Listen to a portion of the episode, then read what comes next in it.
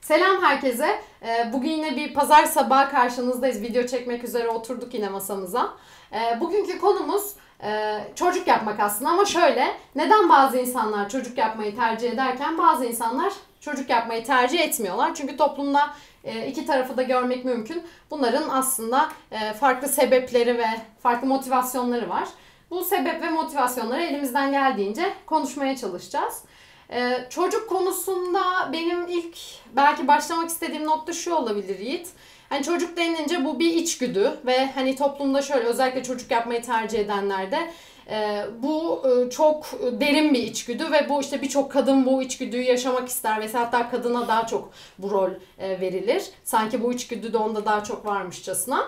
Aslında kadını erkeği yok üreme e, evrim mekaniklerinden en önemli ilki hayatta kalmaksa ikincisi üreme. Dolayısıyla e, canlılığın aslında canlı olmasını sağlayan şey hayatta kalması ve üreyebilmesi. Dolayısıyla üreyebilmek bugün bizim burada olmamıza sebep olan şey olduğunu düşünürsek tabii ki olayın içgüdü tarafı tartışılamaz derecede var. İçgüdü konusuna girince e, genelde sohbet e, arkadaşlarımla sohbet ortamında şu oluyor. Eğer bu bu kadar baskın bir içgüdüyse o zaman biz özgür olarak acaba çocuk yapıp yapmamaya tercih etmiyor muyuz? Yani bir özgür iradeden söz edemez miyiz? Bu aslında tartışmalı bir konu. Yani içgüdü dediğimiz şey tabii ki bizim genetik kodlarımızda olan ve bizi belli davranışları yapmaya eğilimli tutan şey. E, evet eğilimli tutan şeye biz içgüdü diyoruz ama aslında e, beyin öyle bir şey ki sadece içgüdülerle çalışmıyor. Beyin aynı zamanda dışarıdan aldığı işte o algısal zeka dediğimiz dışarıdan aldığımız çeşitli bilgilerle de beyin aslında içgüdü süreçlerini gözden geçiriyor. Ve bir şeyi istediği zaman beynimiz bunu yapmak istiyor muyuz istemiyor muyuz diye bir tercih tercihe de tabiiz aslında insanlar olarak. Dolayısıyla tam olarak bir hani bu özgür irademizin olmadığı bir içgüdüden burada bahsetmiyoruz. Hatta bu insandan insana da çok değişen bir şey. Yani herkesin içgüdüsünün de aynı olacağı anlamına gelmiyor. Çünkü insanlar birbirinden farklı. Mesela şey var bu bin genom projesi mi ne bir şey deniliyor. Onun adını tam bilmiyorum. Alta belki link verebiliriz. O projede 2500 e, kişi kadar yaklaşık gen haritaları çok detaylı bir şekilde inceleniyor. Ve o gen haritalarında şu görülüyor. Biz hani şey diyebiliriz ya işte genetik dizilimde bir takım şeyler e, sır, e, işte bu adenin genetik kod, adenin timi falan yer değiştiriyor ve böyle farklılıklar oluşuyor. Aslında sadece farklılıklar bundan da oluşmuyor. Onların bir de genetik kopyaları var. O kopyalar da aslında hepimizde farklı oranda hmm. ve farklı düzeyde. Yani sen bir yerde bir şey değiştirdiğin zaman o söz dizilimine sahip birçok yer var. Başka şeyler etkileyen. Onlar da değişmiş oluyor. Dolayısıyla aslında iki insan arasında daha detaylı bakmaya başladıkça gen haritalarına çok fazla düzeyde farklılık görmek mümkün. Daha iyi ölçebildikçe daha duyarlı bir şekilde daha fazla farklılık görüyoruz. Dolayısıyla her kadına da burada bir kadın olarak e, şunu söyleme sorumluluğunda hissediyorum kendimi. kendimi hani her kadının da içgüdüsü olarak anne olmayı istemesi gibi bir durum olmayabilir. Çünkü her kadın da e, birbirine eşit olmak durumunda değil içgüdüsel olarak. E, sen içgüdüler konusunda bir fikrin var mı? Yani hepimiz öncelikle hayvanız. Bu bir gerçek değil mi? Hepimiz hayvanız ve bütün evet. hayvanlar belki bizim gibi akıl seviyesine sahip değil. Yani çok akıllı varlıklar Hı-hı. değil. Akıllı değiller. Ee, tabii belli bir zekaları var ama. Tabii tabii. Ama baktığın zaman onların bu kadar böyle bizim kompleks düşünme sistemleri olmamasına rağmen istisnası hepsi üreme içgüdüsüne sahip. Evet. Biz aslında o hayvanlardan farklı değiliz bu konuda. Aynen. Yani aslında en hayvan olduğumuz noktalardan evet, bir tanesi belki bu. üre, üreme noktamız. Belki burada şunu düşünebiliriz. İnsanlarla farklı olan şu. Bizim de içgüdülerimiz var ama bizim sınırlarımızı bizim akıl ve mantığımız çiziyor. Hı hı. Mesela, ya da biz öyle olduğunu da mı sanıyoruz? Mesela şöyle söyleyeyim. Kediye bakınca çok otonom hareketleri var gibi hep aynı şeyleri tekrar diyor gibi geliyor da acaba biz de bir circle'ın içinde miyiz? Yani dışarıdan bir üst düzey canlı da bize baktığında bunlar birbirleriyle hep aynı şeyleri yapıyor gibi de algılanabilir. Tabii mi? akıl ve mantığımızın da bir limiti var. Limiti var. Limiti var ama demek istediğim şuydu. Mesela kediler bahar gelince hemen çiftleşmeye başlar evet. değil mi? Belki e, İnsanlar her, da evlenince. Her, her yıl belki çocuk dünyaya getiriyorlar. Yani içgüdüleri tarafından yönetiliyor. Ama biz tamamen içgüdülerimiz tarafından yönetilsek e, bunun bir sınırı olmaz. Belki hepimizin maksimum mesela diyelim 10-15 yaşından başlayacağız. Hayvan gibi üremeye başlasak. Hani ilk çocuk yapabilir yaşımızdan itibaren üremeye başlasak ve 40 yaşına kadar bir kadın çocuk doğursa belki 30 çocuğu olacak ya da 20 çocuğu olacak bilmiyorum artık. Belki ikiz doğuracak, tekiz doğuracak. Ee, ve bunun sınırını çiziyoruz. Nasıl çiziyoruz? Birçok faktör. İşte onları konuşabiliriz ama mesela kimisi iki çocuk sahibi oluyor. 10 çocuk yerine. Değil mi? Bir kadın 10 çocuk yapabilir mi? Yapabilir. Sınır koymasa yani. Evet sağlığını biraz tehlikeye atabilir ama Atarsa. yapabilir. 15 yapabilir mi? Hı hı. Yapabilir. Yani en az en az 6 yapabilir. Evet. Ama biz şu an ortalama çevremizdeki aileler 2 ya da 3 yapıyor değil mi? Tabii çünkü hayatta Çoğunluk. sadece hani üreme gibi temel canlılar gibi üreme ve hayatta kalma amacımız yok. Biz yaşamaya ve var olmaya da çalışıyoruz bir yandan insanlık Evet. olarak. O yüzden yaşama ve var olma noktasında biraz hayattan başka beklentilerimiz de var. E, Bunlardan bir tanesi mesela çocuk yapmayı niye istemiyoruz? İşte e, çok büyük bir sorumluluk noktası var çocuğun. Dolayısıyla her kadın bütün hayatını bir kenara bırakıp o sorumluluğu o çocuğa yani o sorumluluktan korkabiliyor ve tabii çalışma koşulları da bunu çok etkiliyor. O kadar ciddi çalışma saatlerimiz var ki yani bir çocuk gerçekten çocuk yapabilmesi demek, altı çocuk yapabilmesi demek toplumdan biraz soyutlanması anlamını taşıyor. Dolayısıyla kadınlar aslında o kadar da çocuk yapmayı tercih zaman- etmiyor. Hatta bir çocuğu bile artık çalışma koşulları yüzünden bir çocuğu bile tercih etmiyor olabiliyor. Dolayısıyla bu yasalarla bu çalışma koşullarının belki iyileştirilmesi kadınların da çocuk yapması noktasında faydalı olur diye düşünüyorum. Peki e, her kadın çalışmak zorunda mı? Neden daha çok mesela 6 çocuk yapmayı tercih etmiyor çalışmaya? Çünkü dedim ya biz sadece hayatta kalmayı hedeflemiyoruz. Biz yaşamak ve var olmak Peki, istiyoruz. çok ve büyük var bir- olmak demek aynı zamanda üretmek yani. Çocuk üretmek demek değil. Bir kadın başka şeyler de kendi bilgi ve becerisine göre belli şeyler üretmek istiyor ve hayatın içinde olmak istiyoruz. Hı. Dolayısıyla amacımız sadece hayatta kalmak olsaydı çalışmayıp evet eşinin sonuçta sana sağladıkları imkanlarla evde çocuk yapabilirdin. Ama bu yetmiyor insana. Anladım. Farklı anlamlar arıyoruz hayatta. Yani şunu diyebilir miyiz? Bir insanın kadın ya da erkek başka istekleri diğer isteklerini sınırlandırabilir. Evet öncelikleri farklı olabilir insanların. Yani çalışma, toplumda bir şey- faydalı bir şeyler üretme, çocuk dışında, çocuk yetiştirmek dışında Hı hı. e, bir eser ortaya koyma ya da ekonomik olarak aileye katkı sağlama ya da işte herhangi bir konuda bir e, isteğini gerçekleştirme. Bu hani çalışma, iş, kariyer her şey olabilir. Hı hı. Başka bir istek olan içgüdüsünü sınırlandırabiliyor. Hı hı. E, buradan şu çıkıyor. İşgüdülerimiz aslında başka içgüdülerimiz tarafından sınırlandırılabilir. Tabii Mantık yani çerçevesinde. kaynak limitinde ve mantık çerçevesinde. Yani beyin öyle bir şey ki işte tamam burada belli içgüdüler var ama sen dışarıdan aldığın bir takım şeylerle onun yapısını değiştiriyorsun aslında. Sonra yeni değişmiş yapı ve içgüdüyle yola çıkıyorsun. Sonra yeni şeyler algılıyorsun. Yeni şeylerle tekrar beyin değiştiriyorsun. Yani kapalı bir sistem gibi çalışmıyor. Sürekli beslenen açık bir sistem. E, dolayısıyla dışarıdan aldıklarına sürekli değişiyor. Bir de evliliğin tabii şey boyutu da var. Hem öncelik noktasında bir takım şeyleri daha ön plana koyduğun için evlilik diyorum çocuk yapmak. Hani evlilikle de çocuk beynimde eşleşmiş bak bu dil sürçmesi de bunu göstermiş oldu. yani e, işlevsel bir noktası da var çocuk yapmanın. Mesela e, nedir toplumsal olarak hani biyolojik olarak açıkladık evet içgüdülerimiz vesaire vesaire toplumsal olarak da aileye mesela neşe getiren bir şey olarak görülüyor çocuk sanki. Ama yani buna da biraz üzülüyorum. Hayat gerçekten neşesiz bir evliliği sürdürmek için çok kısa gibi geliyor bana. Dolayısıyla sırf ev, evliliğin neşesi yoksa orada bırakılmalı gibi. Yani 7 milyar insan var. Ee, sırf evliliğin neşe getirecek Bu tamamen çocuk bir amaç yapmak. değil mi? Mesela neden çocuk istiyorsun diye sorduğumuzda birisine. Hı hı. İşte çocuk olmazsa olur mu ya? Hiç çocuk evin neşesidir. Hani bu tür bir cevap gelmiyor mu? Çok kişiden duydum. Tabii, tabii, bir Hatta böyle araç gibi. ezberlenmiş gibi. Evet. Çocuk evin neşesidir. Çocuk evin neşesidir. Çocuk evin neşesidir. Ee, bu tamamen bu cümleden çıkan anlam tamamen şey değil mi? Bencil bir amaç değil Yani mi? sadece bu değil ki birçok başka bencil amaç var. Mesela ölümsü bir şekilde hayatına sen öldükten sonra seni hatırlayanlar bırakmak istiyorsun. Çünkü Hmm. başka seni hatırlayan olmayacak ama çocuğun illaki sen öldükten sonra benim annem şöyle yapardı babam şöyle yapardı diyecek bir ölümsüzlük noktası var. Onun dışında Ama bunu kendi- yaşarken bunu keyfini alıyoruz değil mi? Yaşarken İleride alıyoruz anacaklar yani Ha. öldükten sonra. mesela çok bence psikolojik olarak böyle bağımlı kişilik durumlarında daha çok olan bir şey ona karşılıksız sevecek bir canlı üretmiş oluyor aslında. Şimdi herkes seni karşılıksız sevmeyebilir ve sen ona bir kötü bir durumda bulunduğunda hayatından gidebilir. Ama çocuk çok bağlayıcılığı olan bir şey. Sana muhtaç. Dolayısıyla bağımlı kişilikler de bu muhtaç ilişkilerini sevdikleri için biraz o bağımlı kişiliği de besleyen bir şey çocuk. Seni hep sevecek bir şey var Ama yanında. Artık var. yalnız hissetmezsin. Bazı kaynanalar şey yapıyor şimdi. Oğlunu tabii evlendiriyor. Bu sefer gelinden kıskanıyor. Hani ben yıllarca ona emek harcadım.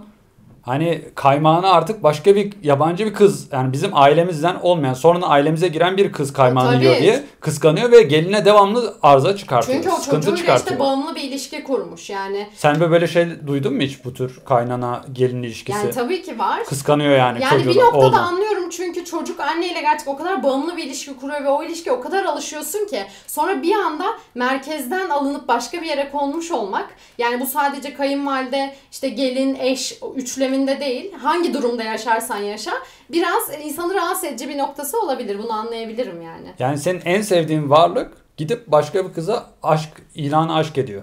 Evet. Hani seni şöyle seviyorum, böyle seviyorum, pırlanta falan alıyor. Düşünsene yani dünyanın en değerli varlığı muamelesi yapıyor karısına. evet. Öyle olmuyor mu? Doğru, Önde öyle diz doğru. çökmeler ne o? Neyin ifadesi? Doğru Önde... ama annesini de yine aynı düzeyde sevmeye devam ediyor. Burada nokta işte yaş geçtikçe artık anneyle çocuk arasında muhtaç bir ilişkisi ortadan kalkıyor ve gerçekten eğer kişilik olarak onu seviyorsa yani annesi olmasa da arkadaş olmasını istiyorsa hayatında tutmaya ve onu sevmeye devam ediyor. Çünkü bir gelin bir annenin bir erkeğe verebileceğini verebileceğini Bu zannetmiyor. sefer de annesini o sevgiyi devam ettirmek isteyen yani vefasızlık yapmayayım diye bu sefer gelin şey diyebiliyor. Bizimki işte annesinin sözünden çıkmaz. Annesini çok seviyor.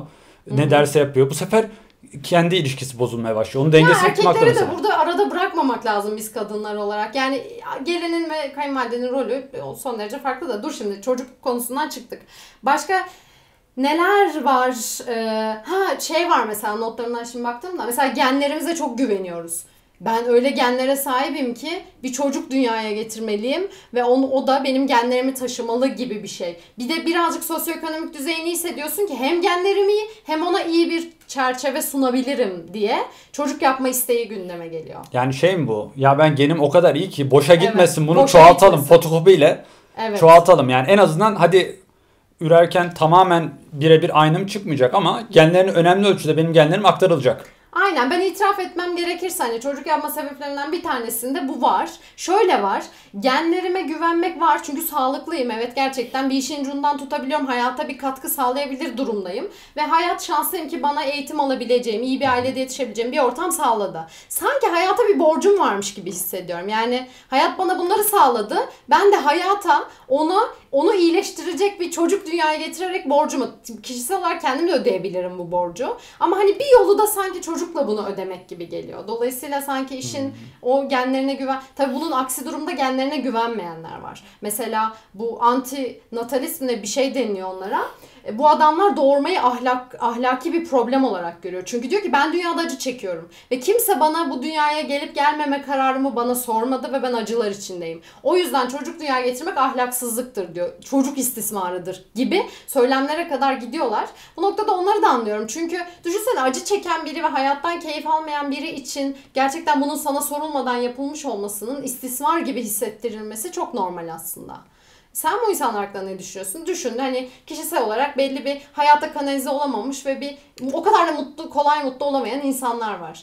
Bu çocukların bu kararları, bu insanların bu kararları hakkında ne Yani- söyleyebilirsin? Şunu diyebilirim.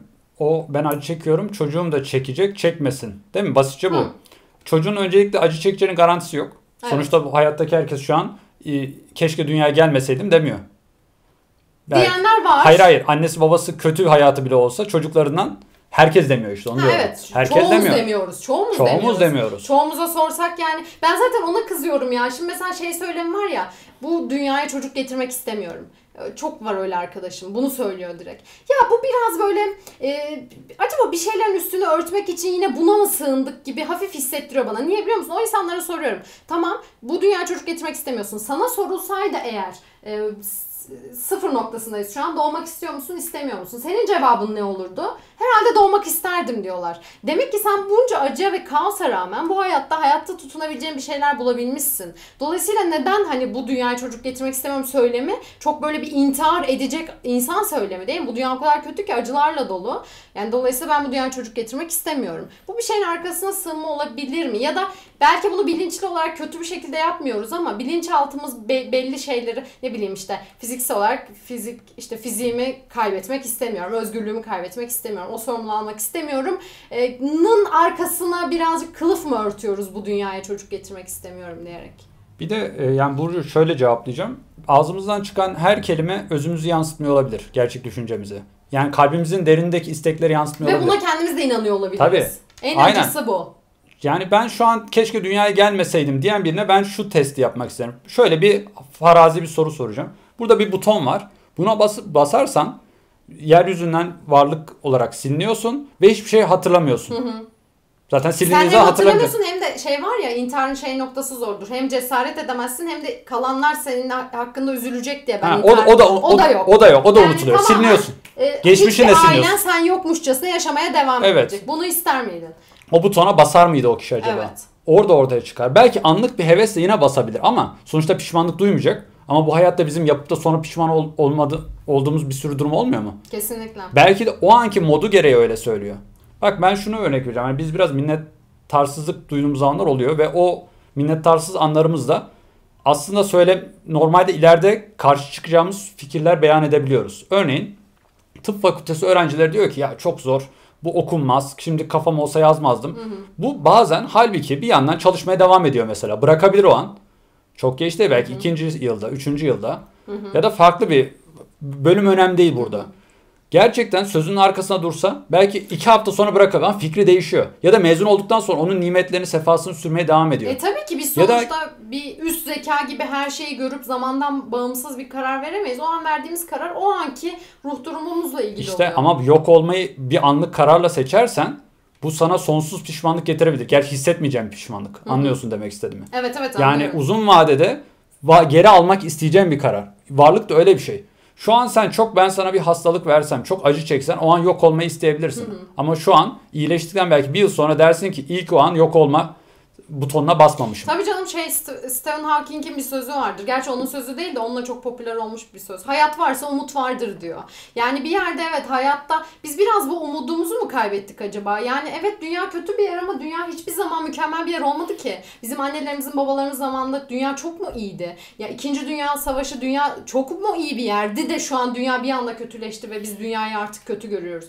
Dünya zaten yani kaotik ve kötü bir yer. Bunu kabul ediyorum. Acılar var. Bunu kabul ediyorum. Ama bir yandan da acaba bunları değiştirme gücü de bizde var mı? Yani bu mesela antinatalistler dedim ya az önce. Bu hani e, doğumu büyük bir ahlaksızlık olarak görenler. Şimdi bu adamlar mesela bu Budistlerin şey söylemine dayandırıyorlar. E, işte dünya acılarla dolu. İnsan doğduğu zaman acıların içine doğar. Buradan almışlar ama Budistler bu olayı şuna getiriyor. Diyorlar ki adamlar evet dünya acılarla dolu ama aynı zamanda insan bu acıların içerisinde bir aydınlanma yaşayıp acılara farklı şekilde bakabilen bir e, kompleksiteye de sahip. Dolayısıyla bunu neden görmüyoruz? Yani acılar var ama acıları değiştirme, değiştiremesek de farklı bakabilme gücünü taşıyorsak eğer. Bu kadar acılardan korkmak niye? Ve hani sıfır noktasına göre her zaman elimizde olan şimdilik bu. Daha iyisi olsaydı düşünebilirdik. İkisi arasında seçim yapabilirdik ama hani daha iyisi olana kadar en iyisi bu deriz ya. Yani dünya şu an bu. Sıfır noktasına göre en azından burada bir şeyler var. İçerisinde acı da olsa. Ama değişim ve dönüşümü de beraberinde getiriyor. Bundan korkmak niye? Yani o bana biraz garip geliyor. Çünkü geçmişin problemlerine bakarsak mesela Londra'da adamlar bin- 1800 yıllarda diyorlardı ki işte e, at arabaları var ya her yerde. İşte Londra 50 yıl içinde at dışkısıyla dolacak. Ama dolmadı. Niye? Otomobiller çıktı. Yani dolayısıyla dünya değişiyor. Bir yanda problemler geliyor ama bu problemlere sadece odaklanarak geleceği tahmin etmek çok zor. Çünkü problemler çözümleriyle de bazen beraberinde gelebiliyor. Bence mühim olan siz veya yetiştireceğiniz çocuk bu çözümlere ne kadar katkı sağlayabiliyor. Sen çocuğu bu şekilde yetiştirebilir misin? Bence mühim olan o, o olduğunu düşünüyorum. Evet. Bir de ben aynı sormuştun yani sonuçta çocuğa fikri sorulmuyor bu acılı dünyaya gelme konusunda. Farz et ki acısız dünyaya gelecek. Yine istemeyebilir. Yani mi? yine istemeyebilir bir de yine ben sonuçta senin hayatına müdahale edebilir miyim sormadan? Hoşuna gidecek bir şey bile olsa. Mesela şu an senin atıyorum evine ya da arabana atıyorum cila yaptırabilir miyim? Belki de normalde cila yaptıracaktın ama arabana sen bir gün bir kalkıyorsun üstü cilalanmış. Sor, yine hakkım yok. Yani Ya hoşuna bile gidecek olsa ya da normalde yaptırmayı bile düşünüyorsan senin kararın e, Ama bunun başka izni alman yok. lazım. Yani keşke o çocuğa izin alabileceği bir dünya düzeni olsa hepimiz sorardık. Sormamak ahlaksızlık olurdu. Ama şu an sorup sorabileceğimiz bir mekanizma yok. Peki şöyle söyleyeyim. Bugün hepimiz dedik ki çocuklara soramıyoruz o yüzden çocuk dünyaya getirmeyelim. Peki hani ya çocuklar dünyaya gelmek istiyorsa yine onlar için karar vermiş olacağız. Yani bir şey tercih etmek illa içerisinde ama başka olmayan bir şey tercih etmemeyi gelmek isteyemez barındırıyor. işte dünyaya. Olmayan bir şey gelmek isteyem isteyemez Acaba şu mu var? Orada gen duruyor öyle tamam mı? İnsanlar üreme hücreleri duruyor. Aa gelmek istiyor bu diyor. Çünkü baksana üreme hücresi gelmek istiyor. Belki de odur. Belki genin kendisi konuşuyordur yani. Gen, gene baktığın zaman Tabii bu içgüdü işte yani genin kendisi diyor ki ben bunu yapmayı şu anda Evet. sana yani evrim aslında öyle çocuk şey karşı ki. çıkamaz. Dünyaya niçin gelmek e, ge- ben sormadığı nedeni Sen yok. küçük bir hücreydin düşünemeyen. Baktık. kendi eş aradın ve buldun. Gelmek istemiş olduğuna oradan karar verdin. Böyle bir şey Evet, mantık sunabilir yani miyiz? bunu şey gibi düşünmemek lazım. Hani bu sanki sadece bizim elimizde olan bir şey değil. Biz de evrimin birer ürünleri olarak kendimize bu kadar anlam yüklemek de biraz kendimize fazlaca yük hissettiriyor. Yani evrimsel süreçte bu olayın mekaniği bu şekilde oluyor. Buna yapabilecek hani bir şey bana alternatifi alternatifi yok yani. Bir de bu şöyle ilginç bir şey. Madem gelmek istemiyordum. Mesela çocuk büyüdü, karar verdi. Ya şimdi düşündüm de eğer benim şuurum olsaydı gelmek istemezdim. Her zaman Sonlandırma hakkım var. sonlandırma Ama hakkı yasal sonlandırma olarak yok ama cesaret istiyor. Yok ötenazi var yasal olarak E, bir- ama cesaret nerede istiyor. var? bazı Avrupa ülkelerinde var. Ama cesaret istiyor, e, sevdiklerini geride bırakma istiyor. Dolayısıyla yine de intihar hakkı tam onun doğmama hakkına Hmm, doğru. eşdeğer oluyor Doğmama aslında. hakkına eşdeğer. Hindistan'da var zaten öyle. Dava açmış çocuğun bir tanesi. Ben dünyaya gelmek istemiyordum. Ailem beni dünyaya getirdi. Ben aileme dava açıyorum diye. Kazanamamıştır herhalde. Davanın sonucu ama böyle bir haber okuduğumu hatırlıyorum yani. Dolayısıyla işin böyle bir noktası da var. Ama ya şu var bir de hani e, bu dünyaya çocuk getirmek istemiyorum. Yani Peki dünya daha mı iyi bir yer olacak? Mesela sen kendini eğitimli ve iyi biri olarak görüyorsan. Dünyaya çocuk getirmedin. Eyvallah. Çok dünya için iyi bir karar verdiğini düşünüyorsun. Peki dünya daha iyi bir yer olduğunun konusunda emin misin? Yani başkaları üremeye devam ediyor. Belki senin yapacağın çocuk çok daha iyi bir şeyin başlangıcı olacaktı. Bir ideograsi diye bir film vardı galiba. Şey böyle biraz absürt komedi gibi. İşte insanlar e, iki tane adam var. Bunları insanlığın nesli tükenmesin diye bir deney ortamına kapatıyorlar falan. Normalde 15 yıl sonra açacaklar. İşte unutuluyor. 500 yıl sonra açılıyor falan. 500 yıl sonra bunlar bir kalkıyor. Bunlar normalde ortalama Amerik- Amerikalı insanlar. Yani zeka olarak ortalama. Bunlar bir uyanıyorlar. Dünyanın en zekisi olmuşlar. Niye biliyor musun? Çünkü aptallar deli gibi üremeye devam etmiş. Zeki olanlar düşünmüşler işte. Ya akademik kariyerim var. İşte şöyle böyle falan diye böyle kesitler var filmde zaten. Evet. Ve sonra aptallar ürediği için dünya çok kötü bir yer olmuş. E peki o zekiler dünyayı iyi bir yere getirme amacını taşıyanlar dünya iyi bir yer olmadı. O zaman orada bir takım hata yaptık gibi bir durum var. Evet. Bir de acı noktasında yani acı acıları bitirmenin yöntemleri de dünya içerisinde var. Mesela felsefe bence bunun en temel örneklerinden bir tanesi. Felsefe siz filozofları okurken adamlar acının dibine vurmuş insanlar var orada ama bir yandan yaşamını sürdüren. Camus mesela adam hayatı boyunca intihar hakkında yazmış ama intihar etmemiş. O noktada işte onları okumak bize aslında o acı dediğimiz, büyümsediğimiz şeylere de algımızı değiştirecek bir noktada birçok şey sunabilir. Bilim de keza öyle. İnsanlık tarihini okumak keza öyle. Yani sanki acı dediğimiz şey böyle dünyanın eskiden kıtlık çok daha fazlaydı mesela. Açlık, savaşlar çok daha fazlaydı. Şu an biraz daha bir şeyleri elde ettiğimiz noktada çağımız insanının bu dünyaya çocuk getirmek istemiyorum söylemi birazcık üzücü bir söylem olmuyor mu? Evet. Bir de gerçekten kıtlık var mı dünyada? Mesela Afrika'da niye kıtlık çekiyorlar? Kaynak mı yok? Her yer kaynak dolu. Çünkü kötü insanlar var. Yani kıtlık aslında kaynaklarımız az olduğu için yaşanmıyor. Kötü insanlar olduğu için yaşanıyor. Tabii bir de diyorlar ya şu an üretilen e, işte gıda maddeleri ya da ne bileyim yetiştirilen sebzeler, meyveler, tahıllar aslında e, normalde şu an çoğu israf oluyor deniyor. Evet. Yani normalde bizim yaşayacağımızın şu kadar katı kadar e, besin üretiliyor, besin maddesi üretiliyor, çöpe gidiyor diyor. Demek ki kıtlık yok aslında doğru evet, dağıtım yok. Var. Açgözlülük Doğru, var. Kötü yönetim var, açgözlük var, hırs var. Yani dolayısıyla biz dünyanın kaynakları sınırlı noktasına gitmektense bu kötülükleri nasıl değiştirebiliriz? Yani kendi Belki onu üzerinden suçu dünyaya atıyoruz aslında. Dünya bizi artık taşıyacak, kaldırmıyor. kaldırmıyor. Oysa ki biz dünyayı kullanmayı iyi bilmiyoruz ve bunun yöntemi çocuk yapmamak değil. Ee, öyle çocuklar yetiştirmek ki bunun farkındalığında olan ve ona yeteri kaynak sunulduğunda bunun çözümlerini üretebilen çocuklar yetiştirmek. Keza biz de bu açıdan bence dünyaya katkı sağlamalıyız diye düşünüyorum. Evet. Yani biz derken Biz yani çocuk yapmaksızın sonuçta her şeyi çocuk üzerinden yapmak zorunda değiliz. Sen de birey olarak çocuğun olmaksızın sen de bu süreçlere dahil olabilirsin. Yani bu iktidar savaşı niye? İnsanlar zaten artık dünyayı bence kendi kanıtladı. Evet dünyaya hakimiz, dünyayı kontrol edebiliyoruz. Eyvallah ama bu iktidar sonucunda elde ettiğimiz şeyle ne yapacağımızı bilmiyoruz. Hala tatminsiziz mesela. Hala nasıl mutlu olacağımızı bilmiyoruz. Doğayı anladık ve kontrol ediyoruz ama kendimizi hala anlayamadık. O yüzden bu videoları ben seviyorum. Seninle konuşmalarını seviyorum. Yani biz aslında burada dünyanın kaynakları şu bundan ziyade insanı anlamaya çalışıyoruz. İnsan acaba bunu hangi motivasyonlarla yapıyor onu görmeye çalışıyoruz. Çünkü önemli olan insan. Biz artık teknolojiyle, bilimle bir şeyler 100 yılda baksana bilimin geldiği noktaya. Müthiş bir noktaya geldik. Ama insanı anlama noktasında 50 bin yıl önceki bilgeliğimizdeyiz belki de. Belki hala bilge değiliz. Anlatabiliyor muyum? Çünkü insana hiçbir zaman yatırım yapmadık ki. E, Dolayısıyla bence burada bunun yöntemi çocuk yapmamak değil, insanı daha çok anlamaya çalışmak. Bir de dediğin gibi teknoloji çok hızlı ilerliyor ama ahlak konusunda aynı hızda, hızda ilerleme yok. Mesela bıçağımız gitgide daha keskinleşiyor. Ama el kol hareketlerimizi e, geliştirmediğimiz için yanlış şeyleri kesiyoruz. Birbirimizi Ve kesiyoruz. bıçakla ne yapmamız gerektiğini oturup Evet, konuşmuyoruz. Ya biz konuşmuyoruz. bıçağı ürettik, bununla ne yapılır, ne yapılmaz? Bunları konuşmuyoruz. Dünyada şu an aşırı üretim konusunda çok iyiyiz. Besin maddesi de üretiyoruz ama bir türlü paylaşmayı, dağıtmayı bilmiyoruz mesela. Aynen Ya da ne bileyim havayı çok hızlı kirletiyoruz aşırı ürettiğimiz için. Hem çöpe atıyoruz, üretirken havayı kirletiyoruz. Ürettiğimizde yemeyerek bir kısmını aç bırakıyoruz. Daha sonra bir de kaynakları hızlı tükettiğimiz için bir de savaş açıp bir de yetmediği gibi aç bıraktığımız de doğrudan öldürüyoruz. Hem aç bırakarak öldürüyoruz insanları hem de Evet. savaşlarla öldürüyoruz. Hani bu dünyada açlık var diyoruz işte Hı hı. açlıktan dolayı savaşlar var. Evet. Halbuki e, yani bu gerçek değil mi artık yani ürettiğimiz gerçekten be- besin maddesi bütün insanları doyuracak kadar üretebiliyoruz. Evet üretebiliyoruz ama aynı eşit derecede Yani şu sende olmuyor. Bir için. restoranda bizim yemediğimiz neredeyse yediğimiz kadar çöpe gidiyor. Mesela Doğru. yanındaki ikramlar şeyler. Ama mesela o restorana gitmeye devam ediyoruz. O israfı görmemize rağmen. Yanında pide atılıyor, bir şey atılıyor. Domates, Hı hı. salatalık, biber hepsi çok çöpe giden var. Hı hı. AVM'lerde mesela devamlı tepsilerden çöpe boşaltıyorlar. Hı hı. E bunlar ne besin değil mi? Onlar yenmeyecek kısmı mıydı yemeğin? Yok. Yenebilecek kısımları gayet atılıyor. Bunu ama ahlak konusunda mesela bunu şey yapmıyoruz. Üretme konusunda iyiyiz. Hı hı. Çöpleri toplama konusunda da iyiyiz.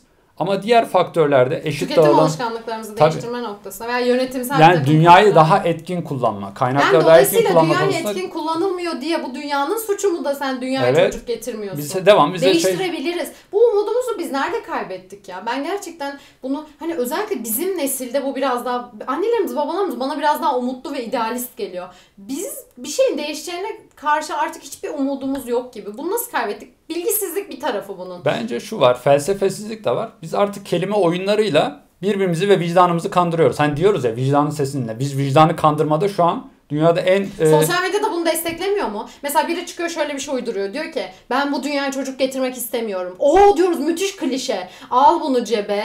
Çocuk yapmama bütün sebeplerini hiç konuşma tartışma. Bunu kullan ve bu işe yarıyor. Diğerlerini de kandırabiliyorsun Evet. bununla çünkü. Hani yurt dışı seyahatini entelektüel göstermek gibi bir şey. Oysa ki onun altını bir kazısak o bu dünyaya çocuk getirmek istemiyorum. Mesela çevre sorunları da onda çok var. Şey diyorlar. İşte e, bu çevre so- iklim işte değişiyor, e, küresel ısınma var vesaire. Dolayısıyla dünya çok kötü bir yere gidiyor ve ben bu dünyaya çocuk getirmek istemiyorum. O insanlara şunu söylüyorum. Gerçekten soruyorum. Ben de öğrenmek istiyorum. Çevre ve iklim konusunda yeteri kadar bilgim yok bu arada. Diyorum ki gerçekten ne kadar zamanımız kaldı? Ya da ne olacak? Dünya kaç derece ısınıyor? Hani böyle bir şeyler elde etmeye çalışıyorum.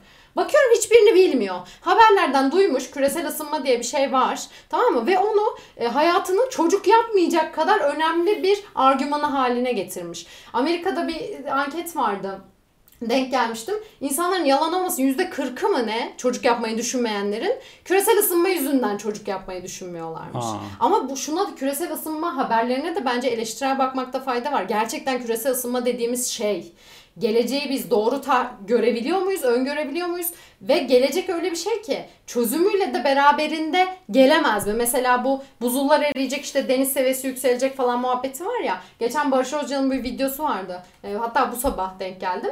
Mesela şey var e, artık e, denizlerin üzerinde yüzen şehirler tasarlayacağız. Hmm. Yani dolayısıyla çözümünü de Adapte beraber olacağız belki adapte de. olacağız belki de. Dolayısıyla sen bu adaptasyon adaptasyonu yaşayacak belki senin çocuğun. Yani küresel ısınma belki üstesinden gelebileceğimiz bir şey haline gelecek. Ya bu konuda bu arada küresel ısınma benim sandığımdan daha da korkunç bir düzeyde olabilir. Gerçekten araştırmadığım için bilmiyorum. Ama hani ona da bir eleştirel bakmakta hemen aa çok ta- tatlı bir kelime. İşte dünya kötüye gidiyor ben çocuk yapamam diye onu bir argüman haline getirmemek. Bunu gerçekten biliyorsak bir argüman olarak sunmak. Bir de bir insan çocuk yapmak zorunda mı? Tamam belki sen bahanesini beğenmedin belki nedenini sunduğu bir nedeni beğenmedin değil mi? Ama e, Yok şunu diyebilir. geçerli bir nedenle yapmayabilir yani Şunu yine. diyebilir. Annelik içgüdüm. Onu diyen arkadaşlarım da var. Teşekkür ediyorum. Diyor ki ben çocukları o kadar sevmiyorum. Hiçbir zaman kendimi bir çocuğun annesi gibi göremedim. Hiçbir zaman çocuk görünce heyecanlanmadım. Anlıyorum. En başta dedim ya insanlar bir olmak zorunda değil ve o kadın çocuk dünyaya getirmek zorunda değil. Çocuk dünyaya getirmeksizin de bu dünyaya katkı sağlayabilir ve var olabilir. Ama bunu neden söylemiyorsun? Ya da şunu diyebilirsin. Fiziksel görünüşümü kaybetmek istemiyorum diyebilirsin. Gerçi o noktada da yani ben de fiziksel görünüşü bana onu derse hemen ben biraz antitezle karşısına çıkarım belki. Yani fiziksel görünüş elbette önemli de ya bu kadar çocuk yapmamana sebep olacak kadar önemli mi? Yine orada da işin dengesi kaçıyor Yalnız gibi. şunu demek isteyeceğim ben, demek istiyorum.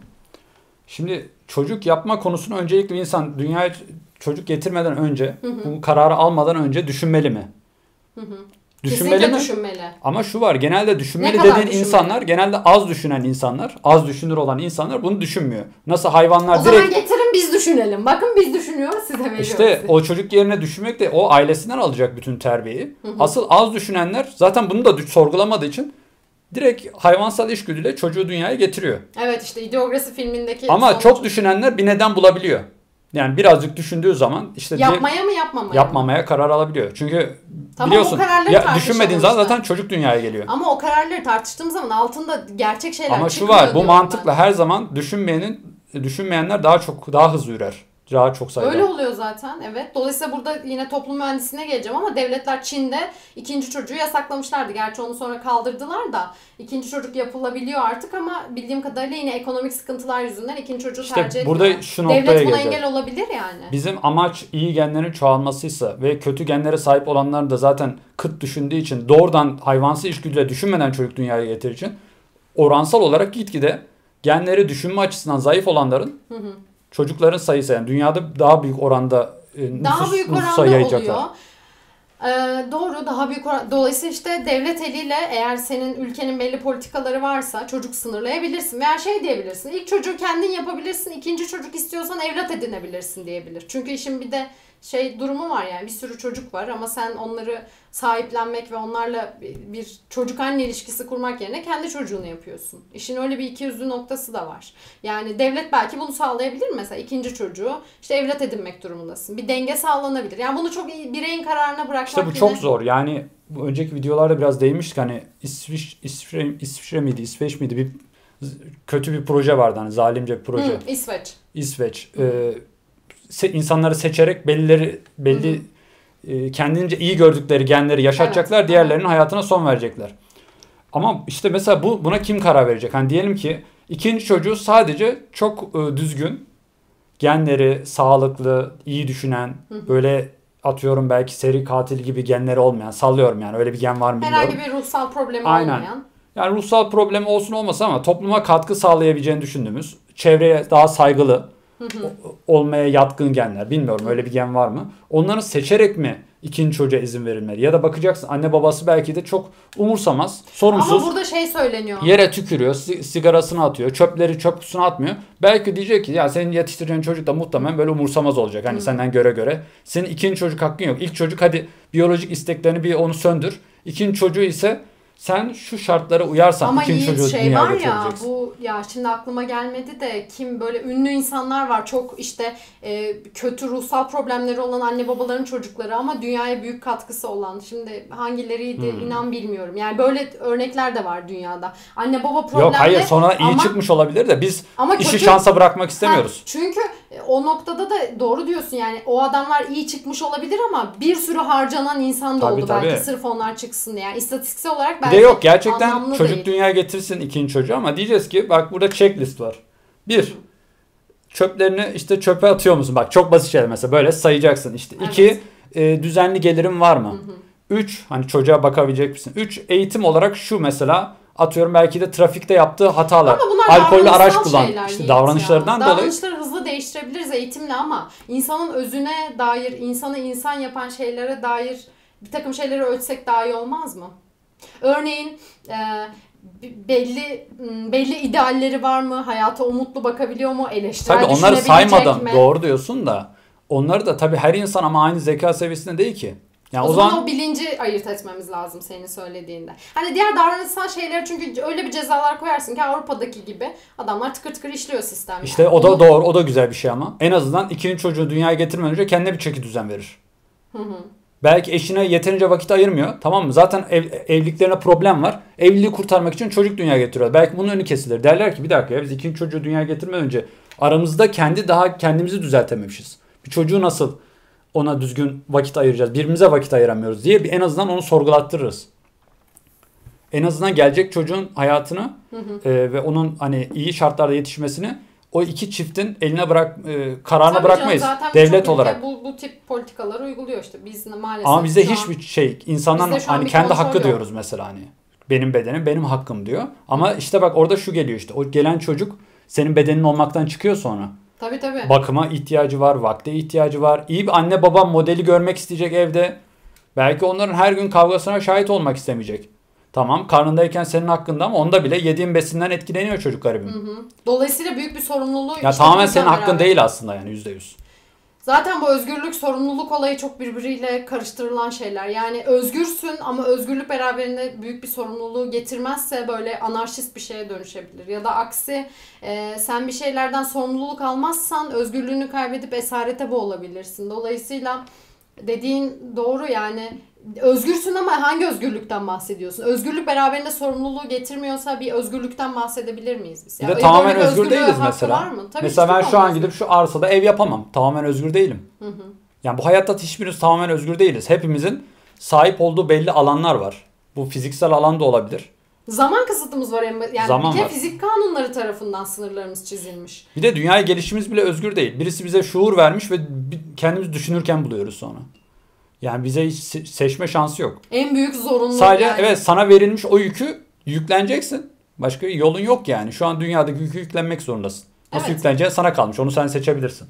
Seçebilirsin veya yaşamına son verebilirsin. Tabii o da yine o kadar kolay değil ama işte o yükü yüklenmek noktasına da hayat birçok şey sunduğunu düşünüyorum ben. Zaten sunmasaydı bugün belki bu canlılar üremeye bu şekilde devam etmezdi. Belli ki hayat bize bir şeyleri sundu. Belli ki e, acılara rağmen acılardan e, kalkma gücünü de bir şekilde kendimizde bulabildik. Yani beynimiz evet basit şeylerden üzüldük, basit şeylerden de sevindik. Anlatabiliyor muyum? Bazen çok kompleks şeylerden üzüldün ama kompleks şeylerden de keyif almayı bildin. Yani kompleks yapıda bir beyinle doğdun. O beyin acı da çekebiliyor ama aynı şekilde mutluluğu da görebiliyor. Duyarlı bir beyin.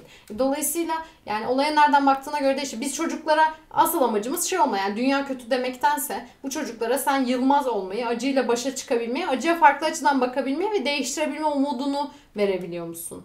O önemli bence. Ama onu da verebileceğini düşünüyorsa çocuk yapmamasına ben saygı duyuyorum. Yani gerçekten adam diyor ki kendine bakıyor. Ben e, kendim zaten öyle biri değilim. Kendim hayatta öyle bir varoluş amacı bulamadım. E, dolayısıyla benimle birlikte olacak çocuk da bulamaya bulamama ihtimali yüksek deyip çocuk yapmayı tercih etmiyorsa da buna saygı duyuyorum ama böyle diyen pek az insan gördüm bunu tercih eden. Sen çocuk yapmayı düşünüyor musun? O, Yani onu ileride. e, bir 15 video sonra arkadaşlar daha ayrıntılı ele alacağım. Kendim Henüz nasıl karar baktım. vermedin. Yok ben benim çok e, aslında bu videonun tamamı belki buna cevap olacak ama direkt evet hayır diye bir cevabım olmayacak. Hı hı. Önce onu söyleyeyim. Evet benim kararım çocuk yapma konusunda öncelikle şu an çocuk yapabilecek durumum yok. Tek başına olmuyor biliyorsun. Hı hı, Doğru. Ama bir gün hani e, evlenirsem ya da bir hayat arkadaşım olursa çocuk ister miyim? Yani ben şöyle düşünüyorum. Öncelikle çocuk yapmak için iş güdüleri bir kenara koyarsak. Hı hı. Biliyorsun iş güdüyle hareket etmenin kimseye bir faydası yok başlı başına. Yani iş güdülerimiz ya bizim Sadece adımıza tek karar ona güvenemeyiz. Tabii çünkü Ama sadece küçümsemeye, küçüm- küçümseyemeyiz. tabii zıttına da gitmemiz gerekmiyor. Gerekmiyor. Ama onları bir kenara koyarsak yani benim çocuk sahibi olma isteklerimi bir kenara bırakırsak gerçekten dünyanın benim çocuğuma ihtiyacı var mı? Hı hı. Benim istemem yani evin neşesi olma argümanını bir kenara bırakalım. Yaşlanınca bana bakacak bir kenara bırakalım. Eşim çok istiyordu bir kenara bırakalım. Hı hı. İşte benim özelliklerimi çocuğumda görmek istiyorum.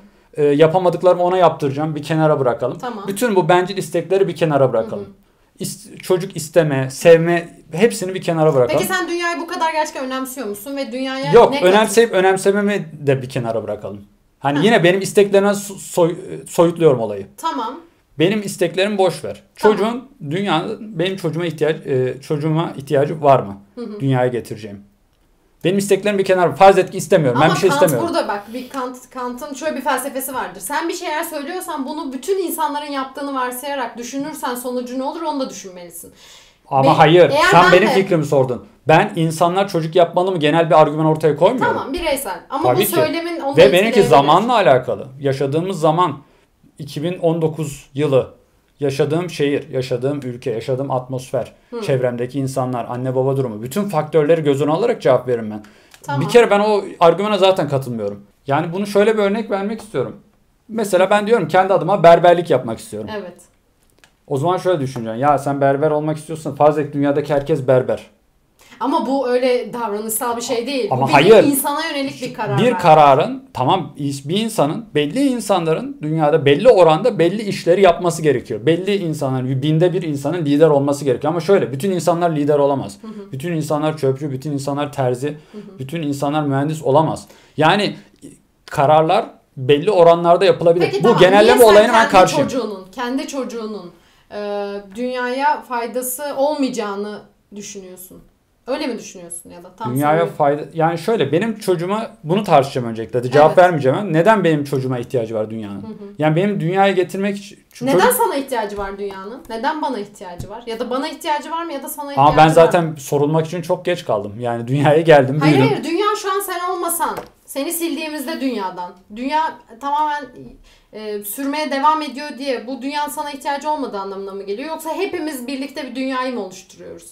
Hepimiz birlikte bir dünyayı oluşturuyoruz ama şu var. Bana ihtiyacı varsa benim gibi e, bana ihtiyacı varsa zaten benim gibi bir sürü insan var. Bu ihtiyacını şu an dünya karşılıyor diyorum. Yani sen olmasan da şu anda. Hayır, senin- ben eğer ben ihtiyacıysam dünyanın bir tane daha benden bir Ama tane daha ihtiyacı var mı? olmak durumunda değil ki. Tamam. Bir Ama çeşit- dünyada yeterince insan mı yok? gerekiyor. 8 milyar insan yok mu dünyada? 7 mil- evet 7 8 7 milyar kadar insan var ama e, yani bu biraz şey değil mi yani dünyada tamam 7 milyar insan var da o zaman ben şu an senin yaşam hakkını sonlandırabilir miyim? 7 milyar insan var Yiğit sana ayrılan sürenin sonuna geldik sen artık Ama yaşamasan şu an kimsenin olur. bizim hayatını sonlandırma hakkımız yok. Sayıdan bağımsız olarak. Yani, Yani sayı önemli değil. burada sayı mı? Yani 7 milyar insan Olay var ne peki? tane daha- Olay ne o zaman? Olay insanın insan olarak yani dünyanın bize verdiği. Ne verdi dünya bize? Beyin. Bu beyin bize ne sağlıyor?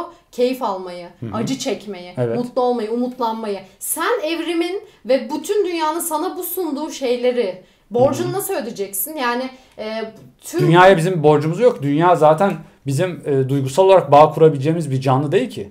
ama dünya dediğimiz dünyanın içinde Yani ben dünyaya hiçbir şey borçlu değilim zaten. düşün. Dünyaya ben hani borcum yok benim dünyaya. Senin dünyaya e, şükran duyabileceğin herhangi bir şey var mı peki? Yoksa zaten rastlantısal olarak bana dünya bunları sağladı.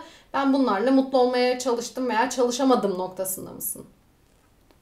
Yani açıkçası tam olarak sorunun tam Yani tam olarak miyim şu. tekrar? Dünyanın sana sundukları noktasında pozitif bir duygu içerisinde misin? Yani bu insanlık, dünya her neyse ve bu beyin sahip olduğun bugünkü her sen neysen e, o, o, o noktada bir şükranlığın yok mu? yani dünya bana bir şey sunmuyor. Çünkü Evet sun, bilinçli sunmuyor. bilinçli sunmuyor. Bilinçsiz de Dünya sunsa- var, ben de varım bu kadar. Dünya var sen de varsın ama bu varlık kendi içerisinde bir değeri içermiyor mu? Varoluşsal bir anlamı yok mu? Yani bu hani evrimde bir neden sorulmaz. Yani olay zaten Evet. olmuştur ve rastlantısal olarak süre gelmiştir ve bugünkü sen oluşmuşsundur. Dünya yiğit oluşabilsin diye kimse uğraşmadı. Hiçbir hücre hadi birleşelim de yiğit oluşturalım demedi. Ama sonuç olarak sen var oldun. Ve bu sistem güzel çalışan bir sistem mi? Ve bu sistemi sürdürmek istemiyor musun? Eğer bu sistemden keyif alıyorsan bu şey gibi değil mi? Güzel bir film izlersen eğer bu filmi arkadaşına önermez misin? Sen de bu filmi izlesene çünkü onda Evet keyif doğru. almasını istersin. Doğru. E, dolayısıyla sen çocuk yaparak bir noktada aslında kendi keyfini ona da aktarmış olmuyor musun? Yani nicelik olarak bakma. 7 milyar insan var ama senin oluş... İşte sen e, konuyu çektiğin nokta benim o soyutladığım kısımlara giriyor biraz aslında. Sen kendin isteklerin bazında Kendi isteklerini onun sahip olacakları bazında. Ben diyorum ki evrimin geldiği nokta, noktanın e, beni mutlu edecek tarafları var ve ben bu bulunduğumuz nokta en iyisi değil, süper tasarım değil ama fena olmayan, yürüyen bir tasarım. İçerisinde beni ayakta tutacak bir tasarım. Yeri geldiğinde bir yemekten mutlu olacağım bir tasarım. İçgüdülerim vesaire şu an Evet. bu dünyaya uygun bir şekilde yaşıyorum. E dolayısıyla bu güzel bir film izlemek gibi hissettiriyor bana ve bu filmi bir çocuk doğurup sen de bu filmi izle bak burada güzel bir şeyler var demek istiyorum. Sanki bu bir paylaşım gibi yani. Kendim onun üzerinden mutlu olacağım için değil. Bireysel olarak o onun hayatta bir şeyler bulabileceği için. Ama olmayan bir varlıktan bahsediyorsun. Olmayan bir varlığınla paylaşmak istiyorsun. Dünyaya getirip. Yani Evet. aslında şu an Çünkü yok. ben paylaşabildiklerimle dünyada zaten paylaşıyorum. Ama sen şey mi diyorsun yani insanlar bugün hepimiz üremeye son... E ben benle paylaş, YouTuber'larınla paylaş. Ama onlarla da paylaşıyorum elbette ama siz ölecek sen 100 sene sonra yoksun ki. Senin Tamam bile komşunun çocuğuyla paylaş o zaman. E Küçük tamam. çocuğuyla. Küçük çocuğuyla da paylaşırım ama senin kendi çocuğunla kurduğun bağ mesela senin bir dünyaya bakış açın var. Dünyada belli anlamlar çıkarmışsın. E, belli bir, bir takım hani ben diyorum ya mutluluk hayatı anlamlandırma sanatı diye. Evet. Kendince bir yaşam sanatı ortaya koymuşsun. Bu yaşam sanatını da yakından bağ kurabileceğin bir çocukla kurmak. Yani komşun çocuğuna o kadar etkin İşte yok psikolojik çünkü. ihtiyaçlara giriyor. Yani psikolojik olarak yakın bağ kurabildiğin biriyle paylaşmak. Ama onun mutluluğu çocuğa pay- için. onun Onun mutluluğu için. Çünkü ona bir yaşam sanatı öğretmeyi. henüz sen- olmayan bir şeyin mutluluğunu niye düşüneyim? Demek ki ben aslında o paylaşma isteğimi yerine getirmek için çocuğu Tabii dünyaya ki, getiriyorum. evet, şu an yok öyle bir çocuk yok şu an. Yani o çocuğun mutluluğu diyebileceğim bir çocuk yok. O cümleye başlayamayız bile. Dünyaya geldikten sonra demeye Peki başlarsın. başkasının mutluluğu üzerinden mutlu olan biri misin? Başkasının mutluluğu üzerine Yani mutlu başka birini mutlu ettiğinde ve mutlu olmasını sağladığında bir mutluluk hissediyor musun? Evet hissediyorum. E tamam yani çocuk da bir nebze bu kendi Var. Dünyada bir sürü çocuk var. Sokak çocuğu var. Hiç suratlarına bile bakmadığımız geçerken. Doğru onlarda da Benden para edinme- istemesin de gözümün önünde acı çekmesin de nerede çekerse çeksin dediğimiz. Çok doğru söylüyorsun. O noktada evlat edinme noktası var ama evlat edinmede de insanları şöyle anlıyorum. Yani Ya evlat edinmeye bırak hani günümüzün belli bir saatini yardım için bile ayırmıyoruz. Eğitmek için şey için. Sadece gözümüzün önünde olmasını istiyoruz değil mi? Hatta varlıklarına haberdar var, olmayalım. Ama ya bağ kurarsan aynı şey kedilerde de yaşıyorum ben. Benim şimdi iki tane kedim var. Ben sokaktan kediyle bağ kurmaktan korkuyorum. Niye biliyor musun? Gidebilir. Yani e, tam olarak mesela bir çocukla bağ kurdun. Çocuk esirgeme kurumuna gittin. Onlarla eğittin. Bir belli bir ilişki kurdun. O çocuk yarın orada olmayabilir. Kendi çocuğun biraz daha bağı sürdürebil İşte yine kendi acılarımızdan dolayı Tabii aslında ki biraz. yani biz sonuçta bir paylaşım istiyoruz ama kendimiz de çok acı çekmeyelim istiyoruz. Ben sokaktaki çocukla bağ kurduğum zaman ve o onun başına bir şey geldiği zaman ve çünkü büyük bir sorumluluğu getiriyor o bağ. Evet. Sen bir çocukla o bağın sorumluluğunu giderebiliyorsun ama yüzlerce çocukla bunu sağlayabilir misin? İşte Yani bunu bağ kurmadan noktası. çocuklara eğitebileceğimiz bir sistem inşa etmek için çok da uğraşmıyoruz topluca. Hep bireysel olarak kalarak aslında e, kötülük biliyorsun bireysellik istemiyor. Şey e, birliktelik istemiyor. Bireysel olarak da kötülük çok hızlı yayılabiliyor ama iyiliği sağlamak için topluca hareket etmemiz lazım. Mesela bütün e, anne babasız çocukların eğitilmesi için kurumlar, eğitim merkezleri, spor merkezleri, ne bileyim yaşam merkezleri oluşturmamız gerekirken öyle yapmıyoruz. Çocuklar sokaklara dağılıyor. Kendi bir Doğru. şekilde bir kısmı dilenciliğe sürükleniyor. Bir kısmı bunu kendisi de e, artık adapte oluyor, dilenci oluyor. Sonra yeni dilenci çocuklar yetiştiriyor. O çocuk biraz büyüyor. Daha küçük çocuklara bu Yani ben mesela öğretiyor. şeyden çok korkuyorum. Evlat edinmeyi çok düşündüm kendi e, kendi ailem içinde. Şimdi çocuğun bir annesi babası varsa yarın öbür gün anne baba çıkar da şimdi benim kedilerim var. Biri gelip bu kediler senin değil bunun annesi varmış ona götüreceğiz dese ödüm kopar. Ben de bir Hmm. insanım ve basitim. Benim de acılarım var. Ben o acıyla nasıl başa çıkacağım? Evlat edinmede zaten bu yüzden Türkiye'de mesela genelde annesi babası olmayan 0-1 yaş arasındaki çocukları çok istiyor insanlar evlat edinmek için. Onları da bir noktada anlıyorum. Yani düşünsene hadi annesi babası olmadığını varsayıyorum. Çocuğun annesi babası yok. Ve e, sen o çocuğu evlat edinebilir misin? Bence edinebilirsin, edinmelisin de. O yüzden videonun başında söylemiştim. Mesela şu olabilir. İlk çocuğu yine illa onu yaşamak istiyorsan, e, yaşam için, hayat için her neyse motivasyonu yapabilirsin. İkinci çocuğu istiyorsan onu evlat edinebilirsin. Bu nasıl olur sence böyle bir şeyin olması? Ee, bununla ilgili de olabilir vereceğim cevap da. Videonun başında hatırlarsın hani sen konudan dağılıyoruz dediğimiz bir konu vardı. Kaynananın annenin çocuğunu gelinden kıskanması. Evet. Burada şuraya bağlayacağım. Aslında hayatta bizim istediğimiz e, iyilik söylemiyle çıkıp ama aslında bencilce isteklerimizle istediğimiz her şey sonunda geri tepiyor. Bak şimdi anne erkek çocuk dünyaya getirdi ki beni sevsin dedi. Çünkü sevilmek istiyor. Bencilce istek diyelim şimdi buna. Belki değildir de. Beni sevsin dedi. Gitti başka varlığı en sevgilisi ilan etti. Tamam. İhanete uğradın. Yani bir nevi. Hayal kırıklığına uğradın. Sen bir çocuk alıyorsun. Diyorsun ki bu çocuk aslında sokakta kalmasın. Söylemin ne? O çocuğa mutlu bir hayat sunmak. Ama aslında ne? O çocuğun seni sevmesini çok istiyorsun içten içe. Tabii Anne demesi. Ha. çok Ama bir gün annesi çıktığında ya da o çocuk belki de güç kazandıktan sonra sana bağımlı azalınca o da kendi hayatını kuracak. Ve belki seni terk edecek. Belki kendi annesi gibi asla görmeyecek. Doğru. Aslında burada senin gerçekten iyilik yapma İsteğin Kesinlikle. test ediliyor. İyiliği biz aslında Sen- kendi acılarımız kadar yani kendi acılarımızla mücadele edebildiğimiz kadar iyi olabiliriz. Yani gerçekten o çocuk gittiğinde o acıyı kaldırabilecek misin? Biz de tar yani üst bir güç değiliz ki ben gayet rasyonel bakıp benim amacım bu çocuğa iyilik yapmaktı. İyilik yaptım o artık gitse de umurumda değil değil ki. İçgüdülerimiz var. Bağlanıyoruz onu görmek istiyoruz. Gözümüzün önünde olsun istiyoruz. Ya bu çok doğal bir istek. Yani kayınvalideleri de bu anlamda hiç rasyonel değiller. Tamam sen çocuğu yaptın ama artık onu bir serbest bırak. Onun hayatı var. O beni seçti demek işte bu noktada kötü zaten. Çünkü o da bir canlı ve canlı olarak irrasyonel bir takım duygular içerisindeyiz. Yani bu, bu, bu acının yaşanması çok doğal gibi geliyor bana ve bu acıdan kaçışın Yani aslında edilmesi. bu tür örnekler bize şunu gösteriyor. Aslında biz bencilce bir şey istesek bile hayat kendi e, evrende ne dersen de bu sistem, bu karmaşık sistem. Kimisi belki de e, Tanrı'yla ilişkilendirir. Kimisi belki de evren karma ile ilişkilendirir. Aslında bizim isteklerimiz ve isteklerimizden daha büyük amaçları var bu evrenin.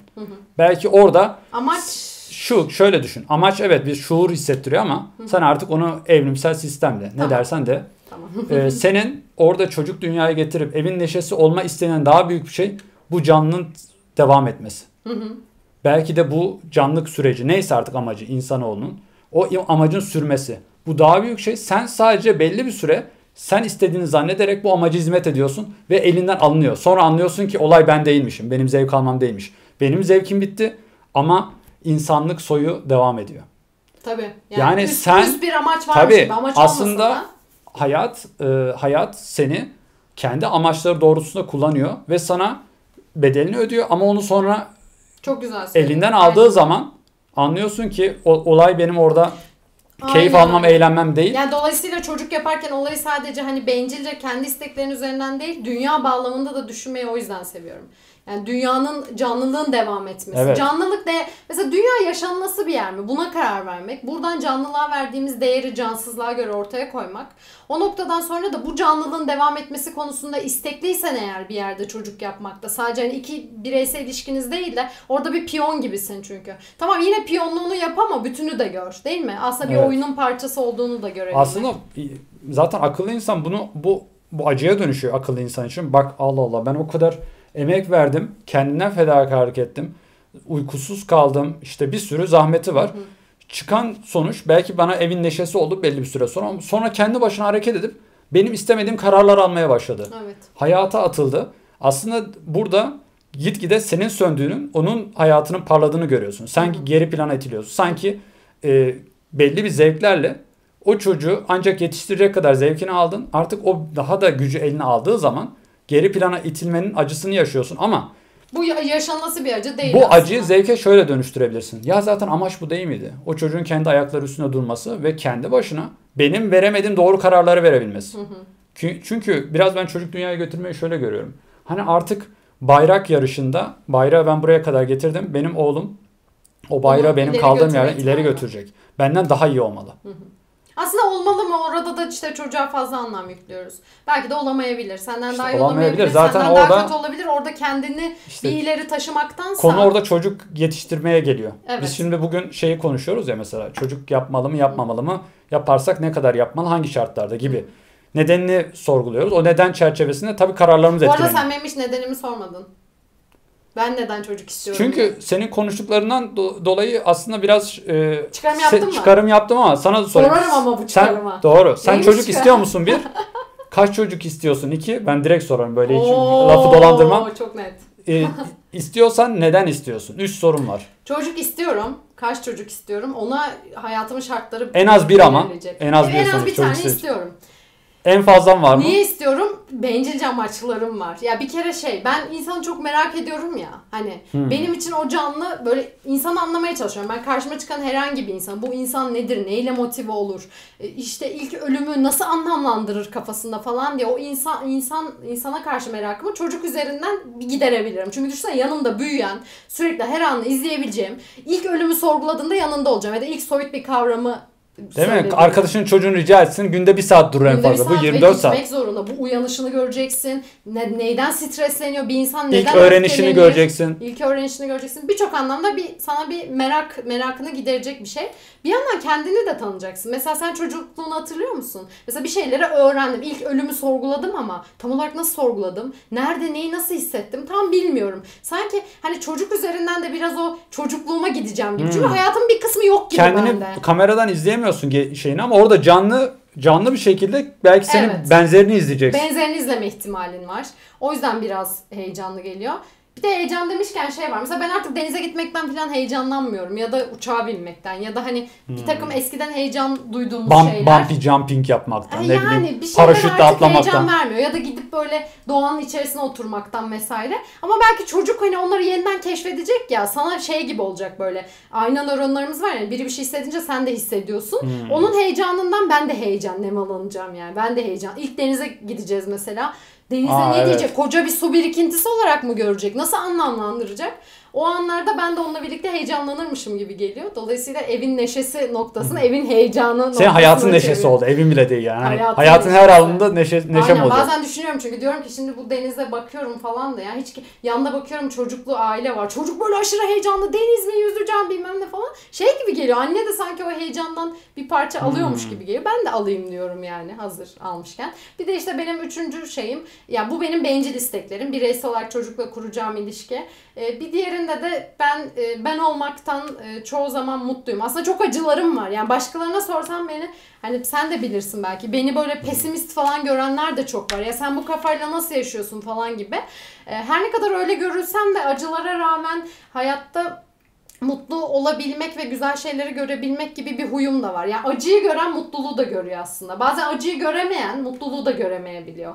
Dolayısıyla hem acıyı görebilen hem mutluluğu gören beynimi bir şey gibi şükran olarak kabul ediyorum. Yani hayatın bana verdiği bir şey. Dolayısıyla bunu sanki sürdürmek de bir niyeyse borç gibi hissediyorum ya. Bu borcu Buradan tamamlamak gibi hissediyorum. bu dediklerinden kendime biraz yormaya çalıştım.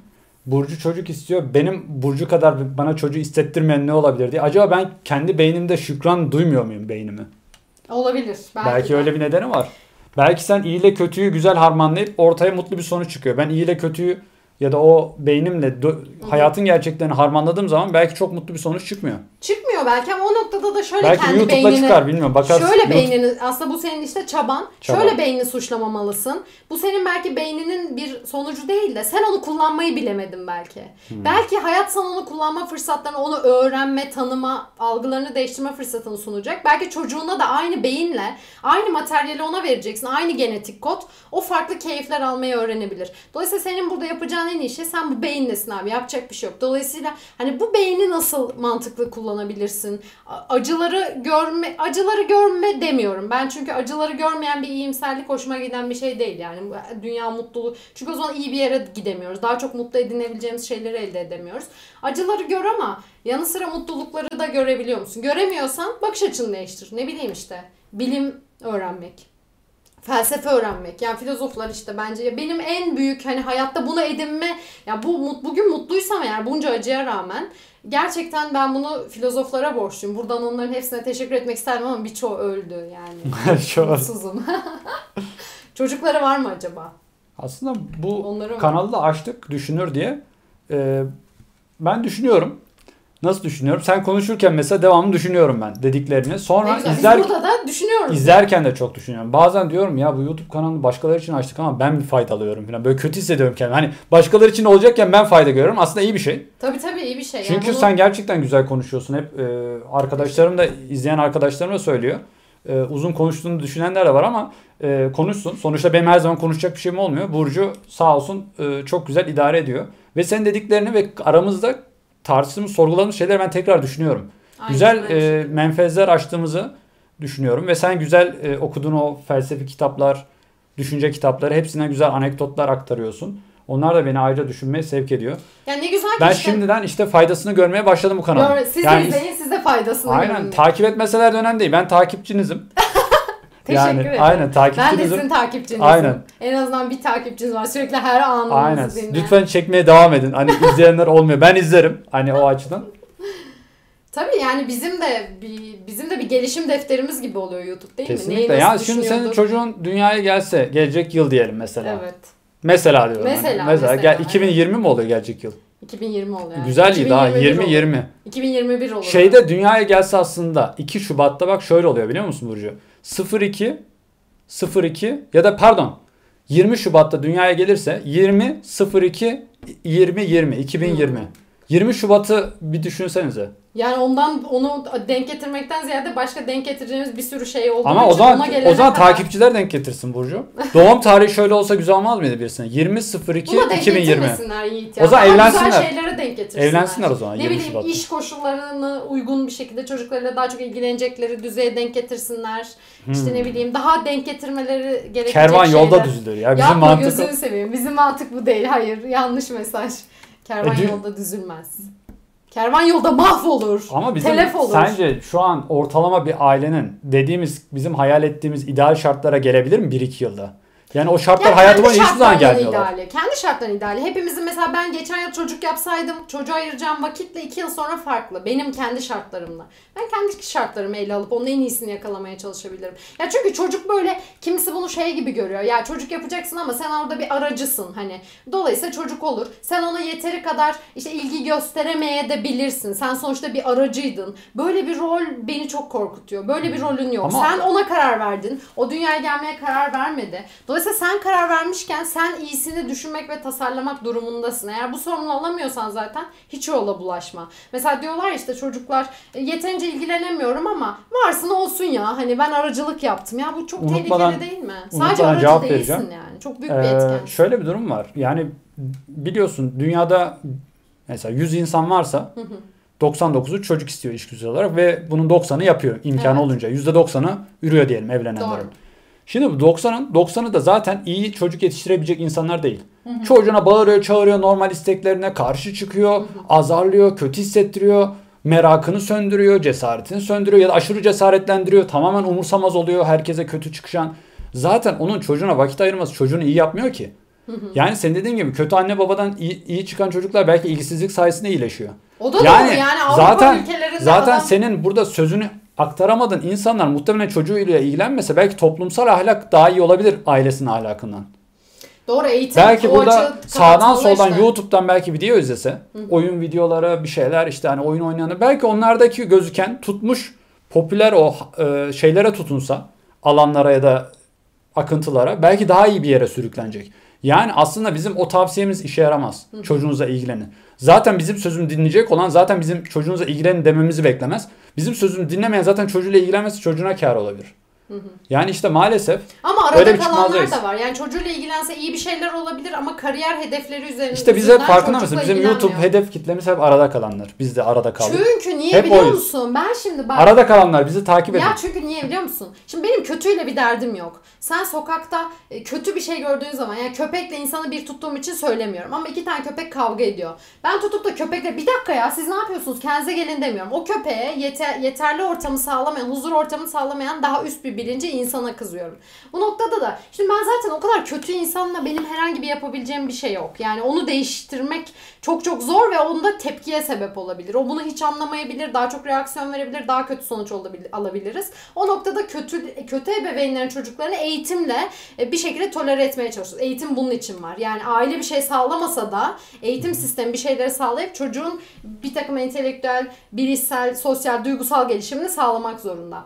Öte yandan ben iyilere seslenmek zorundayım ve arada kalmışlara. Çünkü şu beni çok korkutuyor. Aramızda aslında iyi insanlar var. Yani belli bir bilinç düzeyinde ve merhametine ve empatisine güvendiğim. Ama bu insanlar çevreden çeşitli klişeler duyarak bir takım aslında kendi içgüdülerine uygun olmayan bir takım şeylere inanıp o sele kapılmasınlar istiyorum. O noktada onlardan eleştirel düşünmeyi bekliyorum. Evet evet. Dolayısıyla biz aslında hedef kitlemizi doğru seçiyoruz. Çünkü gelişim oradan olur. Yani o insanlar bizi anlayabilir ve evet bu klişeye ben de sahibim. İşte dünya kötü bir yer ve ben çocuk yapmak istemiyorum diyordum ama Acaba ben gerçekten dünyayı önemsiyor muyum? Çevre kirlilikleri benim sandığım kadar çevre kirliliği mi? Vesaire diye sorgulayıp belki içgüdülerinin sesini biraz daha açıp o tozu silip iyi bir Yani. noktaya gidebilir. İşte biz tam o arada kalmışlara kaç kişidir bilmiyorum ama onları değiştirebiliriz gibi geliyor. Aksi adama sen kötü adama gidip bunu yapacaksın çocuğuna vakit ayır bilmem ne falan dediğin zaman adam iyice sana tepki gösterecektir yani.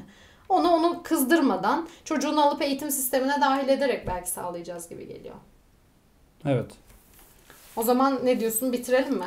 Yani aslında bu konuda da yine konuşacak çok şey var, düşünecek çok şey her var. şey her Öyle, videoda olduğu çünkü- gibi böyle bitiriyoruz. Yine Ee, konuşacak çok şey vardı ve konuşamadık. paylaşayım burada. Yani sen konuşurken bazen e, araya gireceğim noktalar oluyor. Sen bitirdiğinde bana sözü verdiğini unutuyorum. Doğru çok bunu normal. çözeceğiz. Bunu çözeceğiz. Not alacağım e, sana. Ha, hani- bir sonraki videoda bir not. sonraki Öyle notta bir yapalım. notlarla ilerleyeceğim. Aynen. Ee, belki bu Platon'un devlet kitabı var ya. Hı hı. ideal bir devlet nasıl olmalı? Bunu diyaloglar sonucunda Hı hı. bir şablonunu çiziyor. Belki de ideal anne baba ya da çocuk getirmek için ideal zaman ya da ideal beyin yapısı, mental durum nedir? Belki bunu da bir başka videoda bir gün biz kendimizce o devlet kitabında devletin sınırlarını çizdiği gibi biz de bunu çizebiliriz belki. İşte nasıl iyi eğitim almış anne baba nasıl olunur?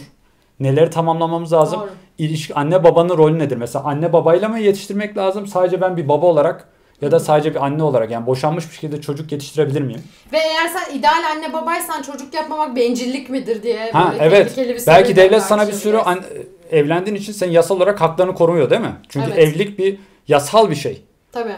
Ben o yasanın bana verdiği yetkileri kötüye mi kullanıyorum? Çocuk Evet, dünyaya getirmeye. Devlet Bunu diyor ki ya biz sana işte ekstra bak devlette doğum izni veriyoruz, şu izni veriyoruz, senin maaşını artırıyoruz, sallıyorum. İşte ne fayda geliyorsa yasal Evet. olarak. Siz boşandığınızda birbirinize bakın mallarınızı eşit dağıtmaya çalışıyorum. Sizin için bir sürü mahkeme çalıştırıyorum. Hı hı. Bir sürü insan para veriyorum. Siz bu toplum için ne yapıyorsunuz? Evet. Belki de devlet senden bir hak talep edecek bunun karşısında. Ya da diyecek çocuk evlenip çocuk yapmayanlara belki sen bana para ödeyeceksin yapmadığın yıllar için belli bir yıldan sonra diyecek belki de. Evet evet. Ya da Doğru. be- belki de boşanma şeyi gelecek tazminatı. Boşandığın zaman çocuğa iki taraf da tazminat ödeyecek. Sadece baba değil Hı hı. kadın da. Yani belki de birçok yasal düzenleme bizim o çizdiğimiz şablona göre belki değişmesi gerekecek. Hı hı. Yani Buradan yetkililere, Yetkililere e, politikalarını değiştirmeleri konusunda uyarıyoruz. daha değiştirmesinler. Durun. Ha, dur, daha daha, değil. Daha verelim. birkaç video daha çekin. Tamam bir ideal anne baba ideal. Ya hepsi Bunlar- düşünecek zaten. Hepsi bizim ikimiz düşünmesiyle ne kadar? Bir yandan zor sorular ama e, yapabildiğimiz kadarını yapmaya çalışırız. Platon da zaten yapabildiği kadarını yaptı. Evet. Kesin çözümleri ortaya koyamadı. Bir de biz sadece bir bakış açısı getiriyoruz. Asıl yapacak olanlar bunun uzmanları. Hı hı. Bunda bir sürü bilim dalı var değil mi? Tabii tabii. Ana dallar var, bilim ana dalları var. Tabii canım sosyal psikoloji var, şu var, psikoloji. Yani birçok alan dalları. var. Aynen. E, politikalar da tabii bilim bilime göre, bilimin çıktılarına göre şekillenirse biraz iyi olabilir. E, tamam o zaman bu haftalık da bu kadar diyelim. Evet. E, dinlediğiniz için teşekkürler. Görüşürüz. Görüşürüz.